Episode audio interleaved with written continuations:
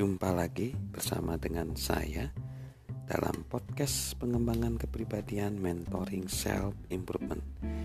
Kita akan membahas sumbatan kedua yang harus kita singkirkan di dalam pengembangan potensi diri atau kapasitas diri.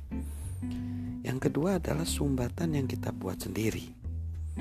Nah, kalau ada sumbatan dari orang lain, ini sumbatan yang paling membatasi kita justru dibuat oleh diri kita sendiri. Biasanya sumbatan ini terjadi karena ada traumatik dalam kehidupan kita sehingga kita kapok, kita nggak mau melangkah lagi untuk lebih maju. Nah ada salah satu sumbatan yang dibuat diri sendiri yang menjadi contoh yang dituliskan oleh penulis, pembicara dan pelatih namanya Michelle Rosenthal. Dia menuliskan insiden yang terjadi pada waktu dia di sekolah dasar. Insiden ini mendorongnya terciptanya sumbat yang membatasi diri dia sendiri bahkan sampai hari ini. Pengalaman masa lalu. Ya, dia menulis di kelas 4 SD, saya ditempatkan dalam kelompok orang-orang yang sangat suka atau ahli matematik bersama dengan empat siswa lainnya. Menjadi bagian dari kelompok spesial ini rasanya menyenangkan.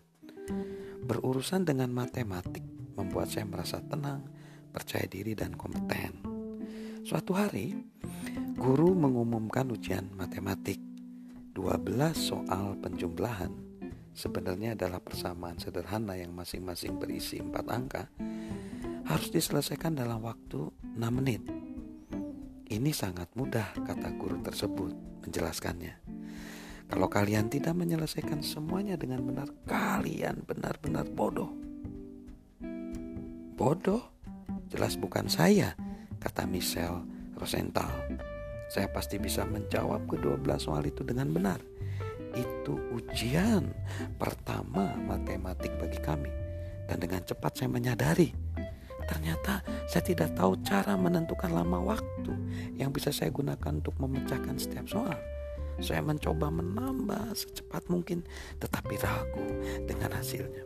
Saya mulai panik, otak saya membeku, angka-angka seperti mengambang. Saya tidak bisa berpikir. Ketika guru menyuruh kami meletakkan pensil, angka-angka sudah saya tulis dalam setiap kotak jawaban, tetapi saya tahu semuanya salah. Hari berikutnya, hasil ujian dikembalikan. Di bagian atas kertas saya tertulis angka merah besar. Nol, gagal total, salah semua. Saya berjalan, saya berjalan pulang membawa kertas ujian, menangis di sepanjang jalan. Ketika mengenangnya, saya bisa memberitahu kepada Anda, itulah hari saya meyakini. Saya tidak bisa matematik dan saya meyakininya hingga hari ini. Itulah contoh sumbat yang diciptakan oleh diri sendiri. Bayangkan, Michelle tadi, dia sampai sekarang yakin bahwa dia nggak bisa matematik karena terjadi peristiwa yang sangat traumatis ketika dia 4 SD. Nah bagaimana dengan kita? Mari kita pikirkan apa sumbatan-sumbatan dalam jiwa kita dalam kepribadian kita mungkin yang terbentuk oleh masa lalu yang menyebabkan kita tidak mau melangkah lagi, tidak mau mengupgrade lagi, tidak mau mengembangkan potensi dalam diri kita. Bersama dengan saya Mr. Sorjan, salam sukses luar biasa.